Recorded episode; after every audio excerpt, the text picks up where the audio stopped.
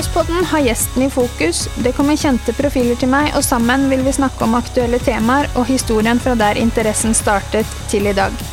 Noe av det jeg er genuint interessert i, er å høre hvordan folk jobber for å komme dit de er. Kanskje det er noe flere kan lære av. Hva som kreves for å bli best, hvordan de trener, om kosthold og matinntak er noe de har kunnskap om, hvem som har vært der for dem på veien, hvordan fungerer det å være en del av et stort team i innland eller utland, om de høye toppene eller hvordan snu nederlagene. Kort sagt så håper jeg på å komme litt under huden deres i løpet av tiden vi snakker sammen. Selv er jeg bare en MX-mamma, den som skrur på syklene våre og nybegynner på banen. Sammen med gjestene så håper jeg dere vil høre historien deres både interessant og lærerik. Velkommen til Motocrosspodden.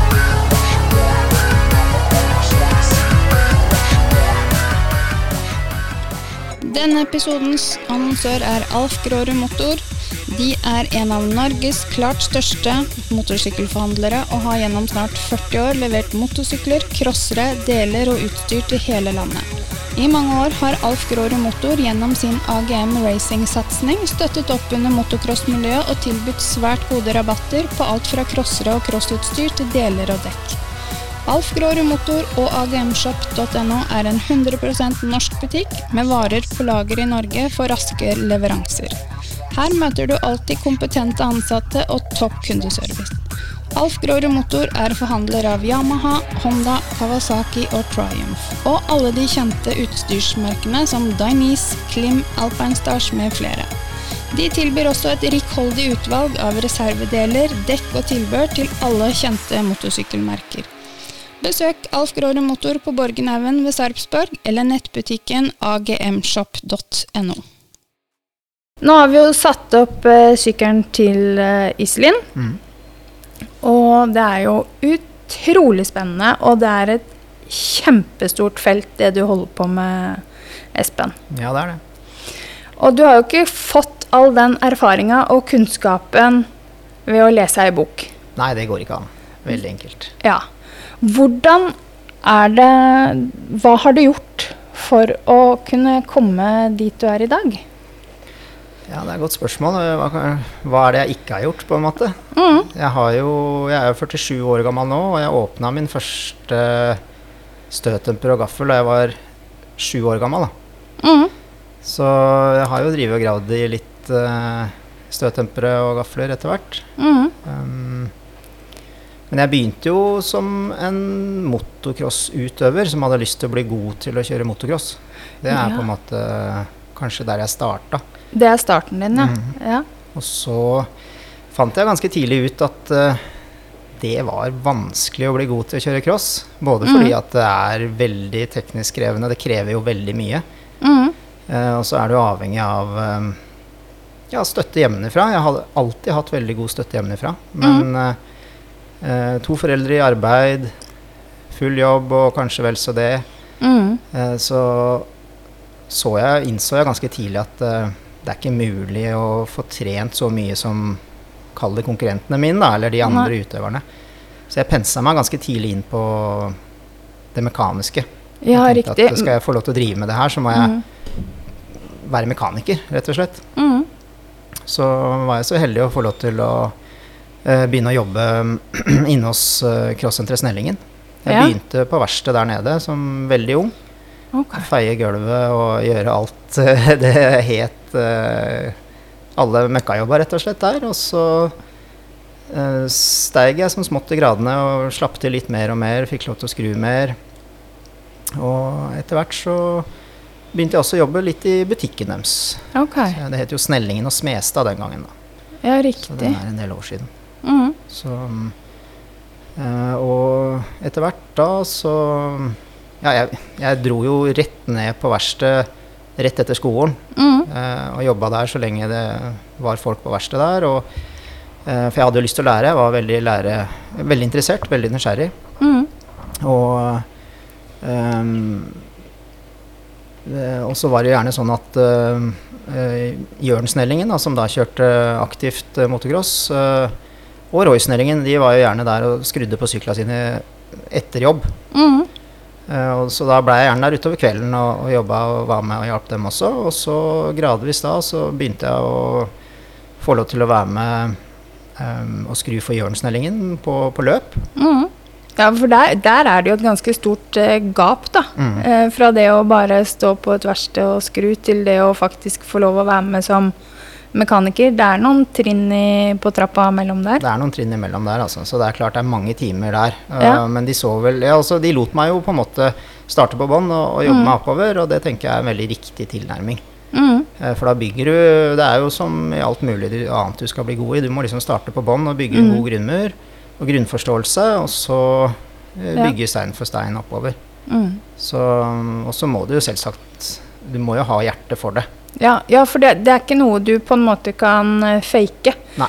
Den genuine interessen, den lidenskapen, det er jo noe du på en måte har med deg. Det er jo noe som er medfødt, vil jeg tippe. Ja, Ja. Det, jeg husker jo første crossykkelen jeg så. Jeg ble, Mm. ble forelska i en tvert. Ja. Altså, jeg klarte ikke å få den ut av hodet mitt.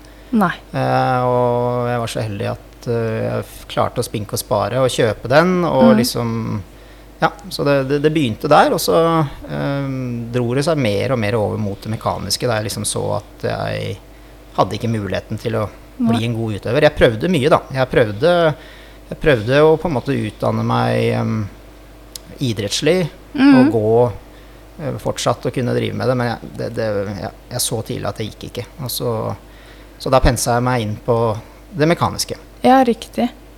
Eh, så da ganske tidlig, altså allerede Ja, når kan det ha vært? da? Det var jo Det må jo ha vært andre året på gymnaset. Så fikk jeg da tilbud om å jobbe for Roy Snellingen som mekaniker. Eh, full, full stilling. Altså, det var jo før Jeg hadde ikke lappen engang. Eh, så Og da tenkte jeg ok, greit, den sjansen får jeg vel ikke igjen. Nei. Så da hoppa jeg bare på det toget der, og, mm. og angrer vel egentlig ikke på det. Selv om det har vært helt drøyt mye arbeid. Altså det er å være mekaniker i eh, Altså en løpsmekaniker, mm. det er så mye jobb. Så det går jo ikke an å drive med hvis du ikke er ekstremt interessert. Nei. Nei, for det er ikke noe åtte til fire-jobb. eh, Nei. Nei. Det er eh, Nei, for da var det Det er kanskje ikke så familievennlig heller. Men når du da er, er ung, så hadde du vel kanskje ikke verken kjæreste eller eh, barn eller noe. det er bare meg selv å tenke på. Ja, ikke sant. Så det er veldig enkelt, da. ja, og det er vel kanskje noe av det mm, Får du sjansen, så er, hopp på. Ja. Det, Det- jeg hadde gjort det samme igjen. Ja, du hadde? Ja, helt klart. Ja. Men jeg hadde kanskje justert noe.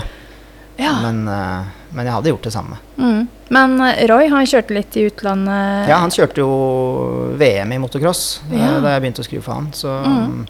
så jeg begynte jo høsten 1992.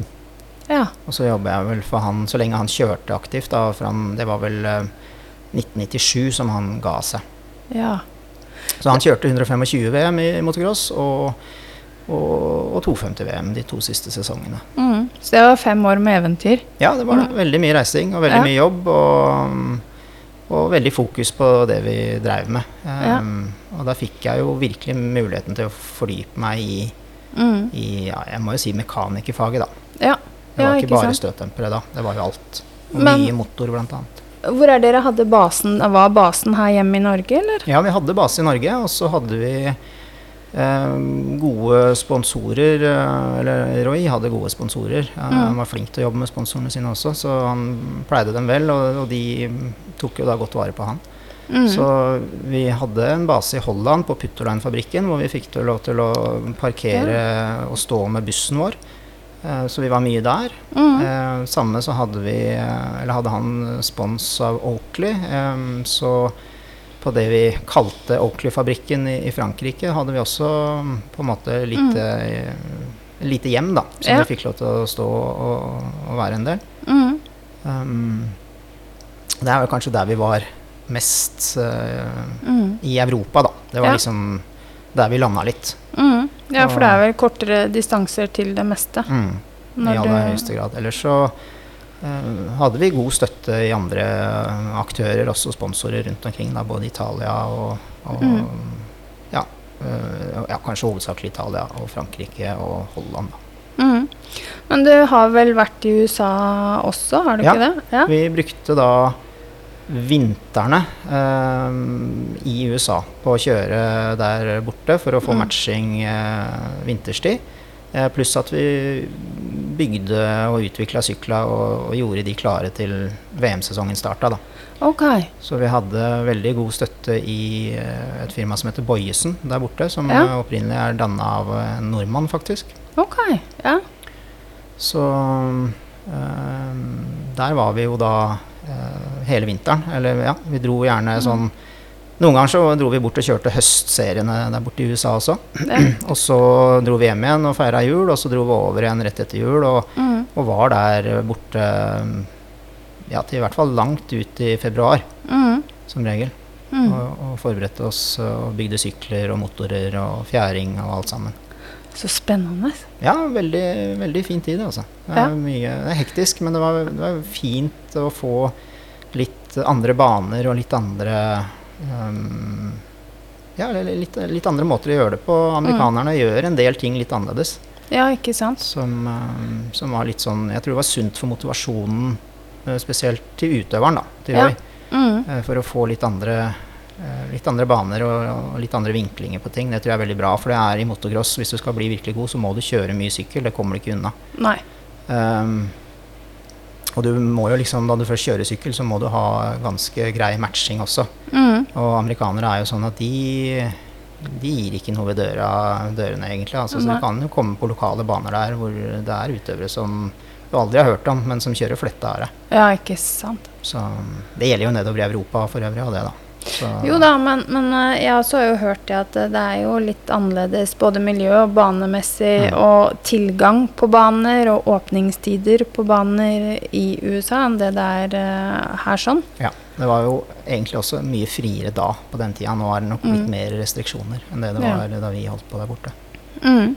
Så, Men hva er det som er veldig annerledes? Er det, er det, er det Banene er annerledes? Mm. Sånn, sånn banene er annerledes. De er litt Ja. mer sånn supercross-prega. Ja. Ofte litt mer velpreparerte. Og det er ikke sikkert det er alltid like positivt i forhold til at du skal kjøre, hvis du skal kjøre motocross-VM eller EM for den saks skyld. da, Hvor vi kjører på kanskje litt røffere baner. Men det har jo noe med motivasjonen å gjøre til Ja. utøveren også. At han får drive med noe som han liker å, Mm. å drive med. Han, Roy var veldig glad i og litt sånn supercrossaktig eh, kjøring. Og Mm. med hopp og, og alle de momentene som du har på supercross. Og sånn sett så Mm. var det veldig fint å være der borte og, og kjøre. Ja. Så, men Men fikk du knytta noen eh, andre kontakter der borte enn det du fikk knytta til deg her i Europa? Ja, helt klart. Eh, Ja. I aller høyeste grad. Så, så jeg har jo veldig mange av de jeg samarbeider med i dag, er jo eh, Mm. mennesker som jeg har truffet på min vei. Ja. ehm, som, eh, som vi fortsatt da har kontakten og kanskje samarbeider med også fortsatt.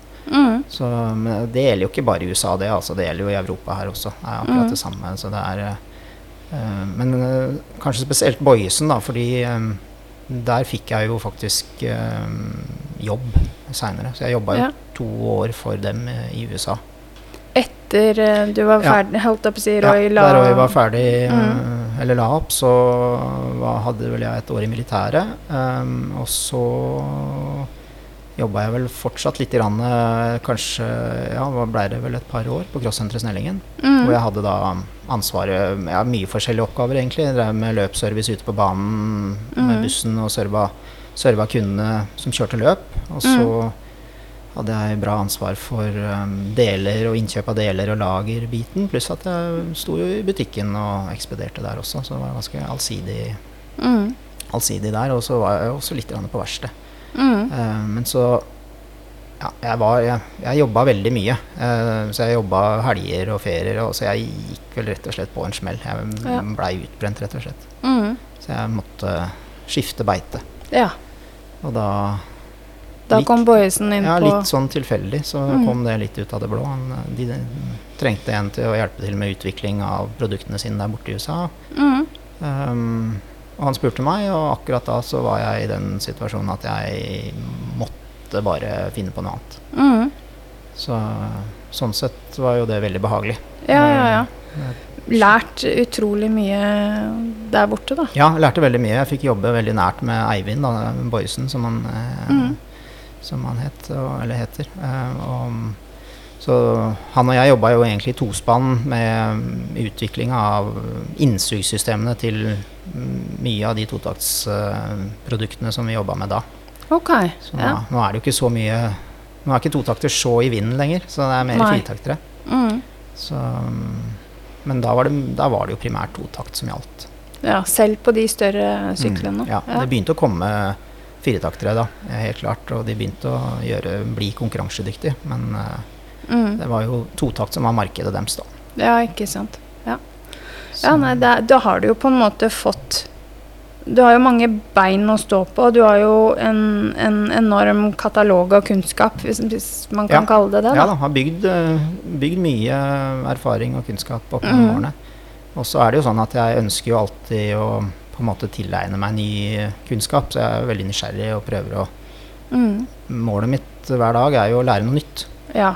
ja, for jeg husker du sa til meg på telefonen at for hver ting jeg lærer, så er det fem ting jeg ikke kan. Ja, så jeg blir jo ganske ydmyk etter hvert. Jeg skjønner jo Mm. at det er Jo mer jeg lærer, jo mer skjønner jeg at jeg ikke kan.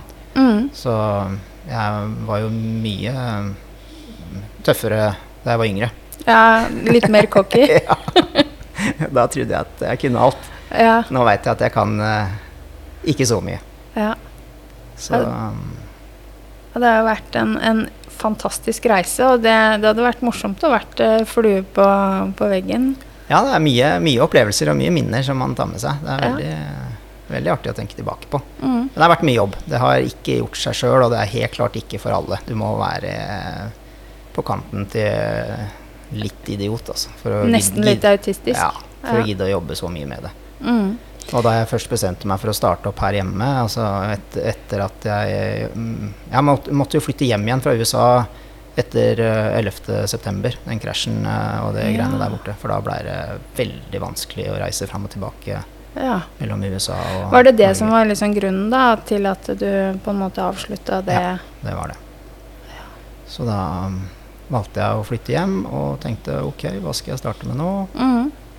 Og da var det jo støtdemper og fjæring har ligget hjertet veldig nært. Og Mm. de siste årene, kanskje spesielt så, hvor jeg jobba for Roy, så så jeg hvor eh, utslagsgivende det var å ha Mm. gode, gode støtdempere og god fjæring. Og vi jobba mye med det også, Ja. eh, og henta veldig mye på det. Eh, man henter jo mye på motor også, men det gjør, du henter enda mer på god fjæring, uten tvil. Mm. Og det har jo et uh, sikkerhetsaspekt oppi dette her også, Mm. I forhold til det å ikke få noe high side, ikke bli slengt av sykkelen i forhold til både kompresjon og retur. Mm. Um, og det kan det har vel er, er, det, er ikke noe det er ikke noe skole du kan på en måte gå på for å lære deg dette her. Det er kun på en måte erfaringsbasert. Prøve, feile, teste, teste utallige timer. Ja, det fins veldig lite jeg håper å si nedskrevet eh, kunnskap Mm. og litteratur på det. Mm. Eh, så det er jo et selvstudie, vil jeg si, i veldig stor grad. Mm. Eh, det fins jo nå etter hvert mer informasjon, men det er jo veldig mye sprikende informasjon. Eh, altså det, vi er jo Vi lever i et samfunn hvor det er lett å på en måte tilegne seg informasjon, men så er det Mm. ikke så lett å sortere ut hva som er um, Riktig og galt. og galt. Ja. Og ofte så er det jo Det er lett å google. Ja, det er lett å google. Ofte så er jo mye av det som står der eh, Eller så kommer opp både riktig og sant, men, Mm. men eh, de utelater kanskje vesentlige ting, da. Mm. Være selektive. Ja, ja. Så, og det er jo vanskelig. Så, men eh, og- også mye av dette er jo Altså rein mekanikk eh, er jo Mm. egentlig ganske enkelt. Det kan du jo lære, gå på en skole og lære deg. Um, så det, det er greit. Og jeg er ikke egentlig noe talent hva angår mekanikk. Der er jeg et produkt av trening, rett og slett. Jeg har jobba mye Mm. med det. Ja. Og eh, tilegna meg mye erfaring og kunnskap. Mm. Men da det kommer til å kanskje se det store bildet og se hva som skjer ute i felt, Mm. der er jeg talent. Ja. Der er jeg talent som få andre har. Ja.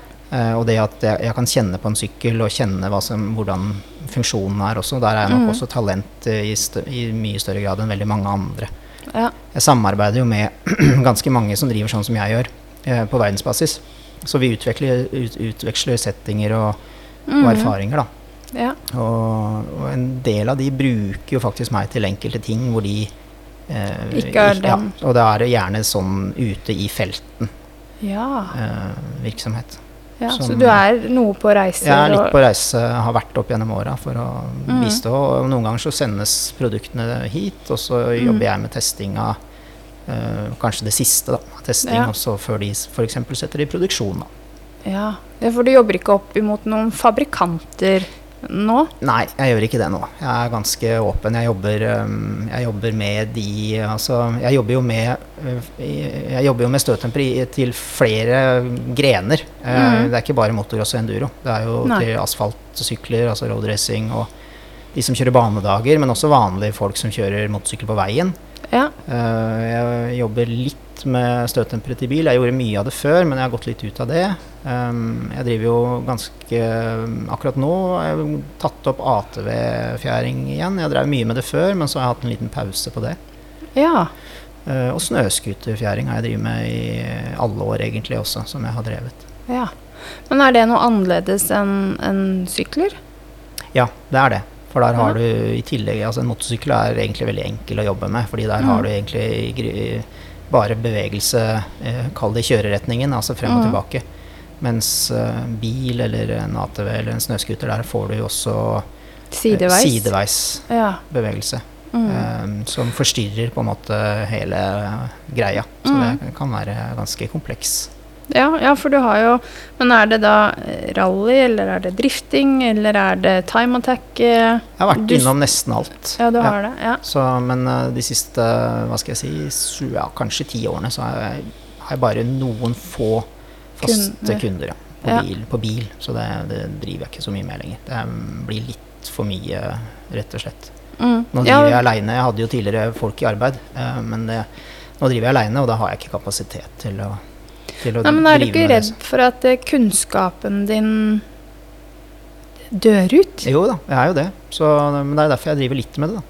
Så, så holder det litt, litt ved like. Ja, for det er jo viktig å på en måte få brakt alt dette her videre. Ja, det er kjempeviktig. Og, og erfaringene man drar fra snøscooter, ATV, bil, er veldig nyttige erfaringer å dra seg inn på motorsykkel og andre Ja. Så det er derfor jeg driver såpass bredt, da. For Ja. å kunne jeg, jeg, jeg føler at det er veldig, veldig viktig. Men er det sånn downhill-syk Mm. downhill-sykling og sånn, er det- gjør du det òg? Ja, i, nå de siste årene har jeg også gjort veldig lite av det, for det er, veldig, det er blitt mye flere som driver med det. Ja. Um, og de legger lista litt annerledes enn der jeg legger lista. Um, Så det er litt stressende å drive med. Det er sånn hva jeg kaller pitstop-service. Det er liksom Mm. hvor fort kan du gjøre det, og hvor billig er det? Ja. Um, og det er, det, det er ikke så lett å få det til å um, bli kvalitet ut av det, altså. Nei. For kvalitet er jo noe du kanskje da setter eh, veldig, veldig høyt. Det er en, Ja, det du, du har en yrkesstolthet, har jeg skjønt. Ja, det er veldig altfor yr yrkesstolt, vil sikkert noen si. I hvert fall en eh, som ser på det økonomiske, vil nok si at du er altfor stolt over yrket. Men Mm. jeg har gått mange runder med meg sjøl. Jeg har prøvd uh, forskjellige løsninger opp gjennom åra, og Mm. ender opp med at uh, for meg så er det enten å gjøre det ordentlig, eller så gjør jeg ikke jobben. Nei, nei, for det er noe med det å gjøre det som står deg hjertet nærmest, da. Ja. Rett Og og, det, slett. føl det følger jeg der også. Helt, Ja. Det er ikke, avviker jeg ikke fra. Det er ikke noe, det er ikke noe vits i. Da, nå er det såpass mange andre som driver i bransjen, så nå kan de ta seg av det, den biten der, og så gjør Mm. jeg det sånn som jeg vil, Mm. vil gjøre. Selv om jeg egentlig alltid har gjort, gjort det på den måten, da. Så, Ja. Men jeg har bare på en måte eh, ja, kanskje finspissa det enda mer. Ja. Fintuna. Ja. Så er det jo sånn at hver Litt vi var inne på i stad, at liksom hver eh, nye ting man lærer, så finner du ut eh, hva du ikke kan. Men også hver Mm. nye ting jeg lærer, så legger jeg jo den til på sjekklista mi. Ja. Så, Ja, så sjekklista sjekklista mi blir jo bare lenger og lenger. Lenger og Ja, lenger. så jeg og får jo og ikke. Jeg får ikke gjort uh, flere og flere jobber, sånn som Nei. jeg trodde da jeg starta. Jeg tenkte ok, nå klarer jeg uh, Da jeg starta, så tenkte jeg ok, jeg gjør bare to om dagen, det er det jeg klarer. Men Mm. om et par-tre år så gjør jeg sikkert ti om dagen. Ja. Men det er helt feil, og jeg gjør fortsatt bare to om dagen. Ja. Jo knapt nok det, fordi at uh, sjekklista mi har blitt så veldig mye lenger. Men jeg Mm. vet hva jeg skal se etter, og da Um, da jeg, bruker jeg tid på det, og så Mm. slipper jeg trøbbel i etterkant. Og det har jeg jo jeg har veldig lite trøbbel i etterkant av en Mm. jobb jeg har gjort, og det er veldig behagelig. Ja, ja for du, jeg vil tippe at du ser jo mye rart. eh, Og får jo Du snakker litt om i forhold til det andre som også driver innafor samme eh, bransje, om man kan Mm. kalle det det. Og jeg vil jo tippe at du da, eh, hvis det er noen som ikke er så nøye, så kanskje de kommer til deg i ettertid og si vet du hva, se her, her har, det her har blitt gjort før. Ja. Er det noe du påtar deg da? Ja, jeg gjør jo det. Jeg bruker jo faktisk mye tid på å rette opp etter andre. Det er jo, det er jo greia som har vært de siste årene nå. Siste fem åra i hvert fall. Så Mm. går veldig mye tid på å rette opp feil etter andre. Mm. Så det er jo litt sånn litt ny posisjon, da. For Ja. meg. Det er hvor øh, tidligere jeg var nesten enerådende i bransjen, og så nå er det mange som driver. Og, og da dukker det opp uh, mye rart. Mm. Det er mange Så- verdensmestere, alt jeg på å si. Ja, ja, jeg vet ikke om de er det, men, uh, eller hvordan de ser på seg sjøl, det er jeg litt usikker på. Men jeg tenker Mm. jo at de i hvert fall er tegn på at de ikke har kompetansen og verktøy og, Mm. og kunnskapen til å kanskje ta på seg den jobben, da. Ja. Så man må jo kanskje være litt uh, bevisst på om man faktisk har forutsetningene til å kunne gjøre den jobben. Ja. Jeg tør ikke å ta det på meg hvis jeg mener at jeg ikke har nok erfaring på det. Eller så må jeg være ærlig med kunden og si at vet du hva, det her har jeg ikke gjort før, dette her må jeg lære. Mm. Så har du lyst til å være med på det og betale for at jeg skal bruke tida mi på det, så er det Mm, greit. ja. Men uh, hvis ikke, så bruker du noen andre. Ja. Hvor er det du går, Hvis det er noe du på en måte ikke har vært med på før, da, hvor er det du går, hvor søker du kunnskap hen da? For jeg mener, jeg, jeg regner ikke med du googler. Nei, altså jeg bruker Google veldig lite. Eh, jeg bruker eh, på en måte min, mine samarbeidspartnere. Altså vi Mm. er jo på verdensbasis, så er vi vel kanskje ja, om vi er 15-16 stykker eh, som Mm. driver i samme bransje, altså støtdemperbransjen, men også Mm. driver med forskjellige typer kjøretøy. Eh, så vi har et fora, rett og slett, som vi, vi utveksler settinger og erfaringer, og vi kan spørre og grave. og Mm. og vi henter veldig mye kunnskap ut der. Så av det Ja. fora så kom, vi bygger vi hverandre veldig opp. Ja, ja, ja. Så det er um, mye der, og i noen tilfeller så er det ingen du kan spørre. Da må Nei. du finne ut av det sjøl. Ja. Da må du bruke huet, da. ja Og prøve og feile kanskje også litt. Så Mm. det tenker jeg at det må man i hvert fall være veldig åpen med kunden om. Så han Ja. eller hun er klar over at uh, Mm. Det her er ny her må vi mest sannsynligvis så Ofte så er det er jo veldig likt noe jeg kanskje har drevet med før, men Mm. ikke, ikke helt, kanskje. Kanskje Nei. det er produkter jeg ikke har vært borti, ikke har verktøy til. Da må Mm. man jo bestille opp verktøy, det tar jo tid. Kanskje Ja. det ikke fins verktøy, da må du lage verktøy. Det tar i Ja. hvert fall tid, det koster masse Ja. penger. mm. Um, Jeg regner med du har sett mye, mye rart opp igjennom? ja, veldig mye rart. Det er, Jeg slutter ikke å forundres, på en måte, altså. Nei? Så det er litt synd å se. Jeg syns det er litt ødeleggende for bransjen at folk ikke legger lista litt høyere enn det de, Mm. det de gjør. Mm. Så um, jeg tenker at uh, kanskje noen bør i hvert fall tenke seg om et par ganger før de Takk. setter kloa i, Mm. i noen av de støttumper- eller gaffelprosjektene som jeg ser de tar på Mm. seg. Ja.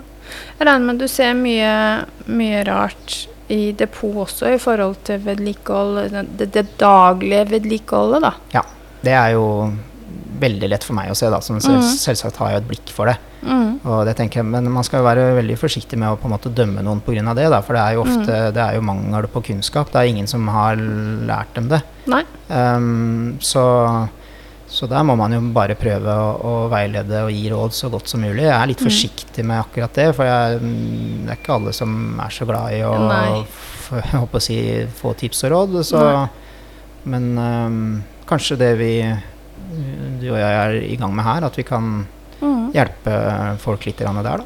Ja, absolutt. Og det er, det- det er som jeg sa, det kommer en, blir lagt ut en video òg, og det er som jeg sa at eh, jeg, eh, eller vi som familie, har jo vært i, vært i miljøet et år, og du kommer inn på banen, du ser folk har holdt på i kanskje 10-15 år, men, men allikevel så eh, det er ikke så lett å bare gå bort og spørre. Ja, du har en instruksjonsbok som, som forhåpentligvis følger sykkelen eh, når du kjøper en brukt sykkel. Mm. Kjøper du en ny sykkel, så følger den jo med, men, men allikevel så er det ikke like enkelt å forstå alt som på en måte står der, framfor det å få det beskrevet og vist eh, praktisk, da. Ja.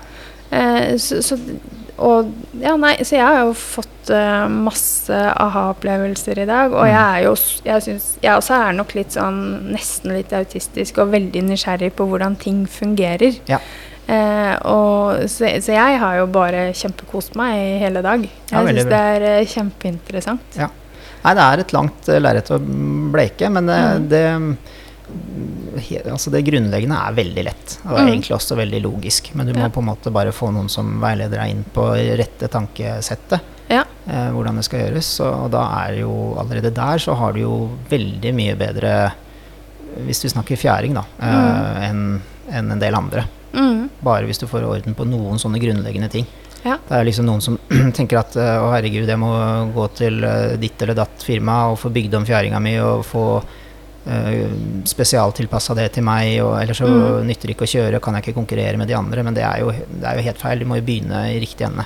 Du Mm. må begynne med helt grunnleggende basisvedlikehold. Ja. Uh, og få kontroll på alt det. Mm. Og, og bygge deg mm, opp og si gradvis oppover, oppover, oppover. Ja. Og kanskje du kommer til et sted hvor du trenger den ekstra tilpassinga til deg som utøver. Ja. Eh, men det er ikke noe vits å gjøre den jobben hvis du ikke tar tak i det grunnleggende. Da, har du da, da ødelegger du det etter nesten første kjøretur. Da har kasta Ja. de penga ut av vinduet. Så jeg er veldig opptatt av at folk skal begynne riktig ende. Det er vask av eh, hvordan man skal vaske, rett og slett. Mm. Og hvordan man skal uh, gå over uh, gaflene Ja, mellom smøre, passa. smøre, vaske, lufte, Mm. sørge for at lageret er smørt, Mm. hjullageret er i orden, Mm. at du har kontroll på dekk, dekktrykk, eiker, stramming av kjede. Ja, Ja. Linklageret det nevnte jeg kanskje. Uh, men altså, alt det greiene er helt Mm. det grunnleggende. For kreftene Det starter jo det starter jo på en måte fra bakken, så går det Mm. inn i dekket Ja. og via slangen av lufttrykket. Mm. Og så er vi i felgen, og så er vi over i eikene. ja. Så er vi inn i navet. ja. Der sitter hjullagra. Mm. Så går det fra, fra hjullagra over i, i, i hjulbolten, og så går det da i bak, så går det over i svingarmen. ja. Og eventuelt i, inn i linken, gjennom linken, før det da går over i ramma. ja. Så det er en ganske lang vei å gå, og det er mye ting som du må ha kontroll på der. Før Mm. det er noe vits i å, tenke noe videre, altså, hva angår Mm. fjæring. Så jeg er veldig opptatt av at folk skal, må begynne i riktig ende.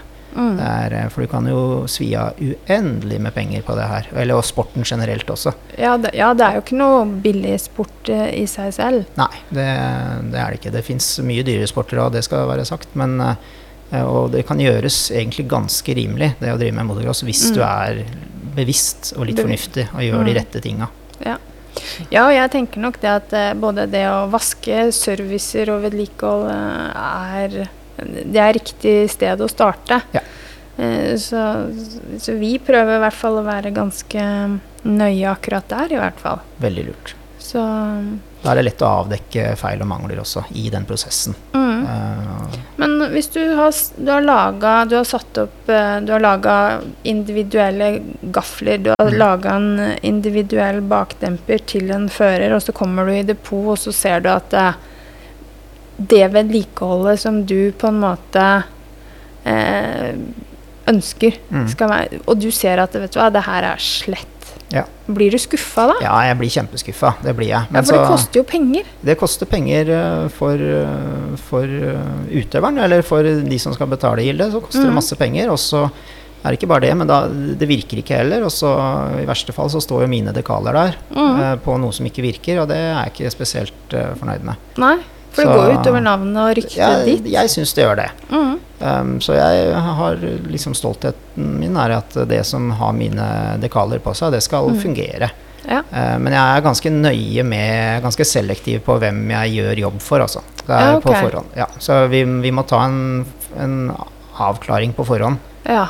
Med hva dette faktisk krever av Mm. kunden. Mm. Og har ikke kunden på en måte råd eller forståelse for det, det, det aner jo jeg ganske kjapt, i hvert fall det med Mm. forståelse Ja. og interesse. Mm. Det er veldig mange i det gamet her. Eh, nå snakker jeg ikke bare offroad, da, men det er asfalt og de andre som har det veldig travelt. Mm. Det er hu og hast, og nå må vi bare få bygd om dette, og så, og så blir det bra med en gang. Men det er ikke sånn det funker. Um, og det, jo, det ligger jo tjukt utapå folk, egentlig. Mm. Jeg skjønner jo egentlig bare på måten telefonen ringer på. Ja, du er. starter der, liksom. Det starter ja. der. Så, Ja. Eller måten de mm, tar kontakt på, da. Mm. Så, så det er en, en god avklaring som skal ligge til grunn før jeg tenker at det er lurt at jeg tar på meg den jobben. Ja. Det er, eh, det er ingen grunn til at jeg skal gjøre jobb for alle. Er, eh, vi må på en måte snakke samme språk, ellers så blir både kunden skuffa, og jeg Mm. blir skuffa. Ja. Og det er ikke bra for noen av oss. Nei, det er jo ikke det. Og, og det er nok lett å tenke da, hvis vi hadde kjøpt oss og kanskje ikke vært så nøye da, så bare faen for noe drittgafler det her er, liksom. Ja, det Og så er det egentlig kanskje min feil, da. Veldig ofte så er det jo små detaljer som Mm. er liksom skiller fra vind til forsvinn. Mm. Um, og da mm, Ja. Så det er, det, er, det, det er ikke noe moro hvis det Nei. ikke funker pga. noe sånt. Så derfor må, er jeg litt nøye med å ta den gjennomgangen. Og Mm. jeg vil gjerne, hvis jeg skal gjøre en sånn, kall en full ombyggingsjobb og, og tilpasse til kunden, så Mm. skal jeg være med ut og teste også. Ja. Eh, Så jeg ser at dette faktisk funker. Det er, Mm. Jeg er ikke fornøyd selv om kunden er fornøyd. Jeg må egentlig være fornøyd da jeg Selv. selv ser at det virker også. Mm. Eh, Så selvsagt så skal jo kunden være fornøyd, men, eh, Mm. men jeg jeg må kunne stå inne for funksjonen, jeg også. Mm. Så jeg må ut og se. Og da er det jo en utfordring med folk som bor kanskje langt unna i Mm. landet. Ja. Så eh, der, der må kreve at folk kommer ned hit, og der hvor Ja. folk ikke gjør det, så så nesten i hvert tilfelle så eller hvor folk bor langt unna, så er det litt utfordringer med den logistikken. At jeg klarer Mm. ikke alltid å følge opp like bra. Eh, føler jeg, da. Så um. Men jeg ser jo at eh, ikke stadig, men innimellom så hender det jo det at eh, ja, en utøver går fra 65 til 85, eller går Mm. til en større, høyere kubikk. Ja. Og da blir det jo solgt brukt eh, bakdempere og gafler og sånne ting. mm. Er det positivt? Jeg syns jo ikke alltid det, jeg, da. Nei, jeg, jeg bare prøver å se det ja. litt jeg, jeg ser det veldig godt fra på en måte eh, selger sin eh, ståsted, men jeg, mm. jeg kan prøve liksom å se det litt fra din, din vinkel òg, og da på en måte Da er det jo ikke bare positivt. Nei, det er ikke det. For det er jo ofte så er jo ikke det da tilpassa den utøveren som skal ta over produktet, da. Nei. Og begynne å kjøre på det videre. Så det, der kan det være store forskjeller i, i Mm. eh, kjøre Altså fart, Mm. rett og slett. Eller vekt. Eller kjørestil. Ja. Eh, Og kanskje underlag man kjører mest på. Så, Mm. så det er en del ting som da kanskje egentlig bør korrigeres, da. Ja. Um, så Men eh, i, i, jeg prøver å ha såpass god dialog med kundene mine også at, um, at jeg ha- har en sånn viss oversikt over hvem som Hvor en de måte, hvor, hvor de ender. Ja. Uh, I hvert fall etter første gang. Mm. Etter det så er det vanskelig å holde kontrollen. Og Ja. da um, det, det er altså urovekkende få komponenter som er noen år gamle, som kommer inn til meg for service og reparasjon. ja. Det, um, det betyr jo at det er noen andre der ute som, Har som har server og reparerer det, og da vet jeg at det ikke virker. Og Mm. det kan høres ganske sånn selvgodt ut da jeg sier det, men jeg vet at det ikke virker. For jeg Mm. ser hva folk gjør og ikke gjør. Ja. Så ja. Og, da, da har de ødelagt det. Så da ser jeg aller helst at de bare fjerner mine dekaler. ja. Bare få det vekk. Det er på en måte et eh, kvalitetsstempel. Ja, det skal jo være det. Så, Mm. men eh, da du um, da du ikke gjør jobben ordentlig, så, så funker det ikke lenger. Og da er, vil jeg helst at de dekalene fjernes umiddelbart. Mm. Og det prøver jeg å være litt nøye med å si til i hvert fall den kunden som kjøper jobben opprinnelig, at hvis du skal skru Mm. på dette sjøl, så er det greit, men da må du bare fjerne dekalene mine. De skal Mm. vekk. Ja. Og jeg har ikke noe ansvar lenger. Nei, nei, og det går jo på den yrkesstoltheten Ja. som du, du snakka om i, i stad. Så, men eh, ja, jeg er litt over snittet sær på akkurat det, men jeg vil at det skal være i orden, da. Ja, det er, for det, det her er Jeg vil tippe at det går da på lidenskapen din, eh, passion eller Ja, engasjementet ditt da, Absolutt. for yrket. Ja, for yrket og funksjonen, og for Ja. ikke minst. Jeg er veldig glad i å se eh, utøvere som, eh, som eh, holder seg skadefri og kjører fort. Mm. Det er veldig morsomt. Ja, ja det er jo jeg er det. veldig glad i. Så jeg har stått og sett så mye skader opp gjennom åra at jeg orker ikke eh, å se noe mer av det. Jeg, jeg syns det er veldig tungt. Ja, men jeg, jeg skjønner jo det, fordi at eh, når det først skjer noe, så skjer det er jo, For å si det sånn, hva jeg syns, er jo at det er lite skader i forhold til risikoen Mm. ved sporten. Ja. Men når det først skjer noe, så skjer det noe som kanskje er mer alvorlig enn Ja. i andre idretter, da. Det kan være. Og jeg syns det har blitt verre de siste 10-15 åra, egentlig. Kommer det litt av at eh, det er, mer, det er mer penger blant folk? Det er, eh, blir lagt ned mer penger i tuning av motorer, trimming av motorer og sånne ting? Det er mulig. Jeg, min, øh, min teori er at uh, i, på, altså I veldig mange tilfeller, det gjelder ikke alle sykler og merker, men, uh, men uh, jeg syns fjæringa generelt har blitt dårligere. Så utgangspunktet er sånn fjæringsmessig er, er vesentlig dårligere. Det var bedre på slutten av Altså utgangspunktet var bedre på, på slutten av 90-tallet og, Mm. og, og 2000, tidlig 2000-tallet, faktisk, enn det Mm. vi faktisk har på enkelte sykler sånn rett ut av kassa nå. Ja, Så var utgangspunktet bedre da. Det er ikke sikkert settingene var så mye bedre, og, men du kunne gjøre ting, så det fungerte. Så Mm. utgangspunktet var bedre. Mm. Eh, men så det som har skjedd, er at motor har blitt bedre. Chassis, Mm. altså rammer og en del sånne ting har blitt eh, bedre. Så, Mm. så sykler generelt sett har kanskje blitt bedre og går fortere. Ja. Eh, men så henger ikke fjæringa med. Der er det Nei. noen som sparer en del penger ja. i produksjon. Rett og slett, mener jeg, da. Mm. Men der er det sikkert mange som er uenige, men det er helt greit. Ja, det er jo, helt, det er jo Ja. våre individuelle meninger. Men det er jo ganske stor forskjell da. Vi snakka jo litt om det i stad. Eh, jeg husker ikke om det var på video eller ikke, men i forhold til eh, Huskverna og KTM Mm. og Gassgass i hvert fall, som Mm. har luftgafler. Mm. Eh, mot da vi kjører Yama alle sammen, som Ja. har olje, oljegafler. Mm. Eh, og jeg ser jo det at flesteparten av de gaflene du bygger, individuelle, de bygger jo du om til olje. Ja, eller, eh, eller spiralfjær, da. Ja, s- ja. Bytter ut luftfjæra med en spiralfjær. Ja. Ja. Eh, og det er rett og slett fordi det syns jeg er en bedre løsning. Mm. Ja, det er en kall god gammeldags løsning, men den, eh, den er eh, bankers Mm. og safe. Vel å merke at det blir gjort riktig, da.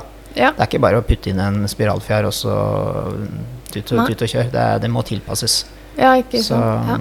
så det er jo bedre med en, en, eh, kall det tuna luftgaffel, eller en, en gaffel med spiralfjær som er helt uh, ut på viddene. Mm. ja. Så det må jo også sies, da. Er, ja. Men uh, luft uh, og, og det er jo Alle japsene har jo faktisk vært innom luft og, og forskjellige løsninger også, med unntak av Yama, som har faktisk valgt å holde seg Mm. stabilt på det, det jeg kaller det gamle og gode. Mm. Som jeg syns har vært veldig fornuftig. Så de har eh, vært tøffe nok til å tørre det, og ikke Mm. prøve å, å være med på den hele runddansen som egentlig alle de andre japanske også har gjort. ja. Um, så, men eh, de eh, andre japanske er jo nå tilbake til der jeg holdt på å si vi starta. Ja. Uh, og så har de europeiske, noen av de europeiske har jo Mm. valgt å, en annen tilnærming, da. Mm. Fordi at en, hvis, hvis du får lekkasje da i en gaffel under et løp eller under Mm. en trening, så er det jo eh, også stor forskjell på eh, Med en luftgaffel, da, Ja. så, så kommer du deg på en måte ikke til mål. Du får ikke fullført. Men Nei. med en oljegaffel så har du faktisk eh, mulighet til å fullføre. Ja, Hvis det skjer noe med luftfjæra, og den kollapser, så, så kan du bare svinge av banen. Da er det Mm. ikke noe vits å kjøre mer. Nei. For da, da er sykkelen ukjørbar. Mm. Eh, og det skal veldig mye til at det skjer med en spiralfjær. Eller mm. i de gaflene hvor det er to spiralfjærer, så kommer du deg i hvert fall til mål. Ja. Så, mm, fordi, eh, og det, det er sjelden at en spiralfjær knekker i det hele tatt. Det skjer, men da skal Ja. den ha gått, da har den gått altfor mye. ja så da har du igjen ikke gjort jobben din som mekaniker eller Nei. ja. Eier, Så, ja. ja, så det er en forskjell der. Men det er klart det er også en stor forskjell i produksjonskostnad. Da. Ja. Fje, gode fjærer er veldig dyrt å produsere. Mm. Luft er jo gratis. Luft er gratis. En, ennå, i hvert fall. Foreløpig. Foreløpig så er det det. Nei, så det, for det, det, det er jo noen av de som, som kjøper dine tjenester, de kjører jo både Huskverna og KTM. Ja. Eh, noen kjører sikkert gassgass òg. Men eh, alle de har vel da bygd om av de du bygger om. Ja, stort sett. eh, Så de siste årene nå så har jeg bare bygd om til Altså bytta ut luftfjæra med spiralfjær. Mm. eh, Eller spiralfjærer. Eh, Og det jeg bygde om Jeg gjorde en hederlig innsats og jobba intenst i mange år for å prøve å få luftgafla til å funke sånn som jeg mener at de skal gjøre. Mm. og fikk det egentlig til. Fikk bra funksjon. Men så er det en svart uh, tordensky som henger over, og det er luftkollaps. Altså den kollapsen. Og den Mm. kommer ut av det blå. Ja. Um, veldig uforutsigbart å si når det kommer. Det kan hende at du Mm. går en hel sesong uten noen problemer, og så kommer du halvveis inn i neste sesong, så, så Ja. skjer det plutselig to-tre ganger. ja. Uh, og, og, jeg er nøye med å bytte Hvis jeg skal serve en, en sånn luftgaffel, så, så bytter jeg alt av selve stempelet og tetningshodet og det som på en måte sørger for å holde Mm. lufta på plass. Ja. Det bytter jeg hver gang, ellers så gidder jeg ikke å gjøre jobben. Um, og, men allikevel så kommer det, den kollapsen ut av det blå. Og det kommer Mm. jo selvsagt alltid rett før du ja, Enten under løp, eller så kommer det da du triller fram til startgrina, og gjerne Mm. eh, håper å si etter Park Fermé er stengt. Ja. det slår jo aldri feil. Nei, nei, nei, ikke sant. Når, når da det passer i grunnen minst. Ja. Ja. Så, Men Yama har jo inngått et, eh, et samarbeid med Kyb. mm, Eh, for det er vel Kyb originalt på Ja. alle de nyere Yamahaene. ja, det er det. Så det er vel Nå kan ikke jeg så mye, eller jeg kan svært lite. Men er ikke det egentlig beregna for å være gode, gode dempere eller gafler? Jo, det er veldig, et veldig, veldig godt utgangspunkt. Mm. Så det er veldig trygt og, et veldig godt utgangspunkt. Så det er eh, kjempepositivt. Mm. Så um, det her er eh, sånn Det er, det er vel de, de sykla. Men altså Showa, altså, som også er en annen japansk eh, støtdemperprodusent Mm. eh, Showa sine produkter er like bra, de, altså. Ja. Vil jo merke at det er liksom samme, samme variant da, med, Mm. med fjær. Ja, Så det er altså spiralfjær. Ja, riktig. Ja. Så um, det, om du velger Kayaba eller Shoba, sånn sett, så spiller ingen rolle, spør du meg, da. Nei. Men jeg savner, jeg savner litt den løsningen på, på de sykla som, som har luftfjær, jeg, da. Men så Mm. er det andre som, som er veldig godt fornøyd med, med Mer- luftfjær også, da. Det skal sies. Mm. Så det er, eh, det er ikke Ja, sikkert at jeg er fasiten. Nei. Eh, og det har vel kanskje litt i forhold til både kjørestil og, og sånn å gjøre også. Ja, helt klart. Kjørestil, hastighet, type baner, type Mm. underlag. Ja. Uh, men uh, i Norge, Norden, Europa så kjører vi på ganske røffe baner, sånn eh, generelt sett. Mm. Og da, da trenger vi um, ja, jeg vil si mer følsomme gafler enn det du kan oppnå med, med luft, altså. Mm. Vi snakka litt i stad om overbringe kunnskapen din videre. mm. Har du noen planer om det? Ja, ja, litt. grann. Jeg prøver jo å gjøre det litt sånn som det vi driver med nå, da. Mm. Og i hvert fall den grunnleggende kunnskapen. Den, Mm. eh, den syns jeg jo er morsomt at eh, kommer videre til de som er nye i, i, Mm. i, i gamet. At de i hvert fall lærer seg de grunnleggende greiene. For det gjør det, gjør det så mye billigere og bedre Mm. for dem uh, framover da de skal kjøre. Og tryggere også, for den saks skyld. Mm. Så, mm, og, men sånn håper å si arvtaker og sånn av eh, virksomheten min, det, det gjenstår å se Mm. hva som skjer der. Det, Ja, for du har ikke noen, eh, noen på en måte under vingene ennå? Eh, nei, jeg har ikke det. Altså, dattera mi har mm, plutselig begynt Yngste dattera mi har plutselig begynt å vise en viss interesse for eh, i hvert fall motorsykler. Mm. Aldri vært interessert i det før. Så, mm, Nei, vi har jo sett Det- dere på Enebakk. Så hva som skjer der, det, det må hun eh, på en måte Mm. dette, altså, Det er ikke noe vits å drive med det her hvis du ikke har lyst til å drive med det. Så det, dette må hun finne ut av sjøl. Mm. Og mm, jeg har jo tidligere hatt uh, folk i arbeid, og en som heter Hans Christian Nesheim, som jeg hadde i jobb i rundt ti år tidligere. Ja. uh, han har nå kommet tilbake, heldigvis, uh, lite grann, og skal prøve litt og se om det funker, da. Mm. Men eh, det er såpass mange som driver med støtdempere og skrur støtdempere i, i Norge nå, at, Mm. eh, at og, og dermed så tar det en del jobber. eh, Mm. Så det er ikke så mange jobber tilgjengelig som det var tidligere. Da jeg driver aleine, så har jeg mer enn nok jobber, men Ja. med en gang du skal ha folk i arbeid, så må du Mm. ha mye, mye Mm. mer jobber. Og det er klart at tidligere så hadde jeg jo både Hans Christian Nesheim og Kristen Vangsbakken jobba mens han var utøver på slutten av karrieren, så jobba han deltid for meg. Ja. Og kona mi jobba jo 50% i firmaet, og jeg jobba mer enn 100 ja. Så da drev vi ganske stort. Mm. Eh, men det, sånn som det er per i dag, så er ikke det mulig å få til, rett og slett. Det er for mange andre som tar jobber. Ja. Men du er jo du, du Du er jo ikke Jeg skal ikke si at ikke du er flink, men du er ikke den som roper høyest heller, da. Nei. Se, her er jeg. Nei, det har jeg slutta med. Jeg ropte nok litt høyere før og viste meg litt Mm. mer fram. Nå prøver jeg å ligge ganske lavt i terrenget. Ofte Mm. så bruker jeg ikke logoene mine med klær på da jeg er ute på banen engang. Bare Nei. rett og slett for å Ja.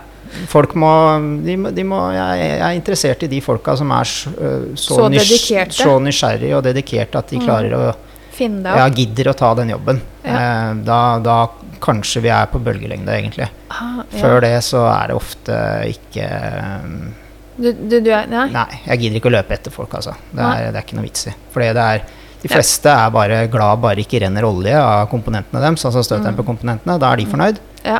Um, og det er ikke jeg fornøyd med hvis jeg skal Nei. gjøre en jobb, en servicejobb. Nei, Og det er helt klart at det som er eh, beste inntjeninga for mitt firma, er vanlige service- og reparasjonsjobber. Mm. Det er det som er liksom Fordi der har du et volum. Eh, Mm. og så de spesialtilpassingene hvor du Mm. følger opp utøverne og sånn, det er egentlig bare tap. Ja. Eh, hvis du ser på hvor mange timer det går med til det. Det er Mm. bare egentlig tull å drive med. Men Ja. jeg er veldig interessert, og jeg gjør det for læringas del, for å Ja. utvikle meg videre. Mm. Så um, hvis man går inn og ser på økonomen, økonomien i å drive med det, så er det Mm. bare, det er bare tullball. ja, så, um, riktig. Ja. Så det er service, jeg er helt avhengig av serv, vanlig service og reparasjonsjobber. Ja. Det er det jeg må ha. Men, Men Men, jeg må ha jobber som jeg kan putte min erfaring og kunnskap inn i. Mm. Så Ja, for det er litt med den der utfordringa vil jeg tippe. Den intellektuelle utfordringa. Det Ja. å bli skjerpa litt. Ja, man må skjerpe seg og følge Ja. med i timen og se det store bildet. Det er jo eh, det er feil å si at alle kan serve en støttemper eller en gaffel, eh, men, eh, men nesten.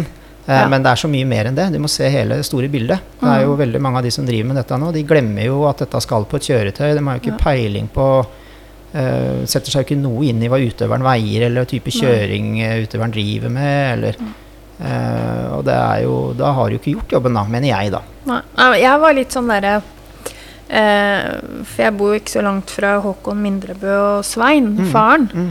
Uh, så jeg har jo lært det jeg har lært å skru, har jo jeg stort sett lært av, av dem. Det er kjempebra. De har jo vært i gamet lenge. Ja, og jeg, er jo, jeg har jo vært ryggsekk på de mm, mange timer, Mm. egentlig. Og jeg var jo så For Håkon tok jo mm, Og faren tok jo overhaling av noen gafler for Mm. meg. Og da sa jeg etterpå, var så tøff i trynet at vet du hva, det her har jeg lyst til å lære meg. Mm. Så jeg har jo skjønt nå at jeg har jo egentlig tatt meg litt eh, vann over hodet. Men eh, Ja. jeg må jo si det at etter i dag òg, så er jeg jo fortsatt litt der at jeg Ja. har lyst Det her har jeg Ja, litt lyst til å på en måte prøve å lære mer om, fordi at eh, jeg er så nysgjerrig. Jeg Mm. har lyst til å lære mer, og sånn Ja. har jeg egentlig alltid vært. Ja, ja. Jeg tenker at det er helt riktig innstilling. Jeg. Det er jo, det er, men du kan ikke forvente at du gjør uh, like bra jobb som meg. Nei, er du gæren? Er du Så lenge det går inn, så lenge det går inn med den, uh, den innstillinga at, uh, at uh, du har lyst til å lære og lyst til å prøve, det er jo, jeg støtter det fullt ut. Jeg syns det er kjempebra. Ja, nei, så Kjempebra. det Men du er- kan ikke forvente at Nei, tror det, er det, det er der folk liksom ja, Ja. kanskje går på en liten smell, da. Ja, helt Så- sikkert. Og jeg tror nok ikke jeg hadde Hadde, hadde jeg åpna noe, for jeg har jo gjort det. Og Ja. bare Å, fy fader, her var det mye deler. Ja. Og så var det sånn der «Ah, Jeg tar og ringer Håkon istedenfor. Ja, ja. Og da var det sånn der Men neste gang du gjør det, sa jeg, så skal jeg være med. Mm. Da skal jeg være med og se. Jeg, og, og jeg har jo sikkert tusen spørsmål, for jeg er jo sånn derre Hvorfor gjør du sånn, da? Ja. Hvorfor skal den dit? ja Hva er- er funksjonen der? mm. Og det, det er litt sånn Men det er det ikke alle som kan svare på. Så, da, så finner du noen som er dyktig, så får du de rette svara der også. Og da, Ja. er det jo, da går det an å Ja, ikke sant? lære litt av det. Ja, nei, så det er eh, Og så er det jo liksom to servicejobber er jo ikke like heller. For det, den ene gangen så er det én ting som kanskje er problemet, og andre gangen så er det noe annet som er problemet. Også. mm, Men uh, er man nøye, renslig, nøye, bruker uh, originale deler fra Mm. produsenten, så Ja. er du langt på vei. ja.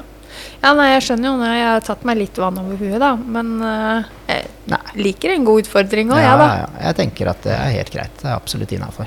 Ja. Så um, så, det er Om ikke annet så finner du ut at det var ikke så lurt. Og da har du jo lært det, da. Ja, nei, da får, her, her har du masse deler. Ja, ja. Kan du fikse? Ja. Nei, så det, det syns jeg bare er bra. Det Ja. tenker Jeg jeg oppfordrer folk til å prøve å skru sjøl, men man må også på en måte innse sine egne begrensninger. da. Altså det er liksom Hvilket nivå er du ute etter? Altså sånn funksjonsmessig og sånn. Mm. Så um, Ja, nei, sånn som henne har jo Dattera mi har jo på en måte litt ambisjoner om å, å se hvor langt hun kommer, i hvert Mm. fall. Og da føler jeg at da, der har ikke jeg noe sånn sett å, å bidra med. Nei. Men eh, i hvert fall ikke på det nivået. Men, uh, men uh, sånn som på guttungen som kjører for, litt for moro og, og Mm. sånne ting, så blir ting da, Lista er litt lavere, da. ja ja, det tenker jeg det er helt klart. Ja. Ikke noe problem. Og han er så liten ennå også, så det er eh, Ja. ja. Nei, så det, men um, det, ja, man må bare rett og slett følge med. Altså, Mm. Med en gang du kommer opp på et visst nivå, og farta begynner å bli opp uh, Mm. på et visst nivå, og man hopper hoppa, og, eller delvis hopper over de store hoppa, og da begynner det jo liksom å være mye krefter Mm. i spill. Ja, det, Så da, og da ja. skal ting virke, altså. Så da skal man ikke tukle det til. Så det, man kan gjerne begynne å lære i det små, da det Mm. bare tusler og går ganske sakte og rolig for seg. Mm. Det tenker jeg det er greit. Nei, jeg er utrolig takknemlig for at eh, jeg fikk komme, og Iselin eh, fikk komme. Og vi har tatt video av du setter opp sykkelen hennes. Og jeg er eh, Jeg gleder meg til neste gang. Ja. For det her blir ikke siste gang. Nei, jeg tror kanskje vi må følge opp litt her, for det Ja. er, det er såpass langt lerret å bleke. Så Ja. vi bør kanskje ta tak i dette en gang eller to til, i hvert fall. Ja, jeg tror det, Så altså. prøve å sy sammen noe som kan være av god verdi for Mm. de som kommer inn i, Mm. i sporten, og kanskje de som har vært en stund i sporten også. For de har en del å lære, de òg, selv om de kanskje ikke tror det. Jeg tror det er mange som kommer til å få noen tips og litt sånn aha-opplevelser i dag. Ja, jeg Eh. tror det, ja. Jeg tror det. Mm. Tusen hjertelig takk for at du tok deg tida. Takk for meg.